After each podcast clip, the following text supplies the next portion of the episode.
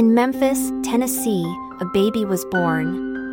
To Elvis and Priscilla, a little one adorned. Lisa Marie was her name, the king's only daughter.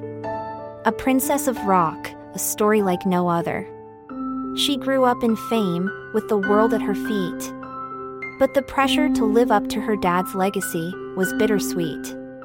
But she found her own path in the world of music.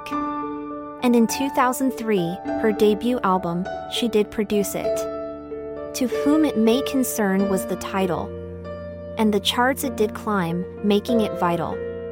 She wrote the lyrics, co wrote the melody. A true artist, she was, in every entity. But fate can be cruel, and death comes to all. Lisa Marie Presley did fall. She passed away at just 54, leaving behind a legacy that will never die.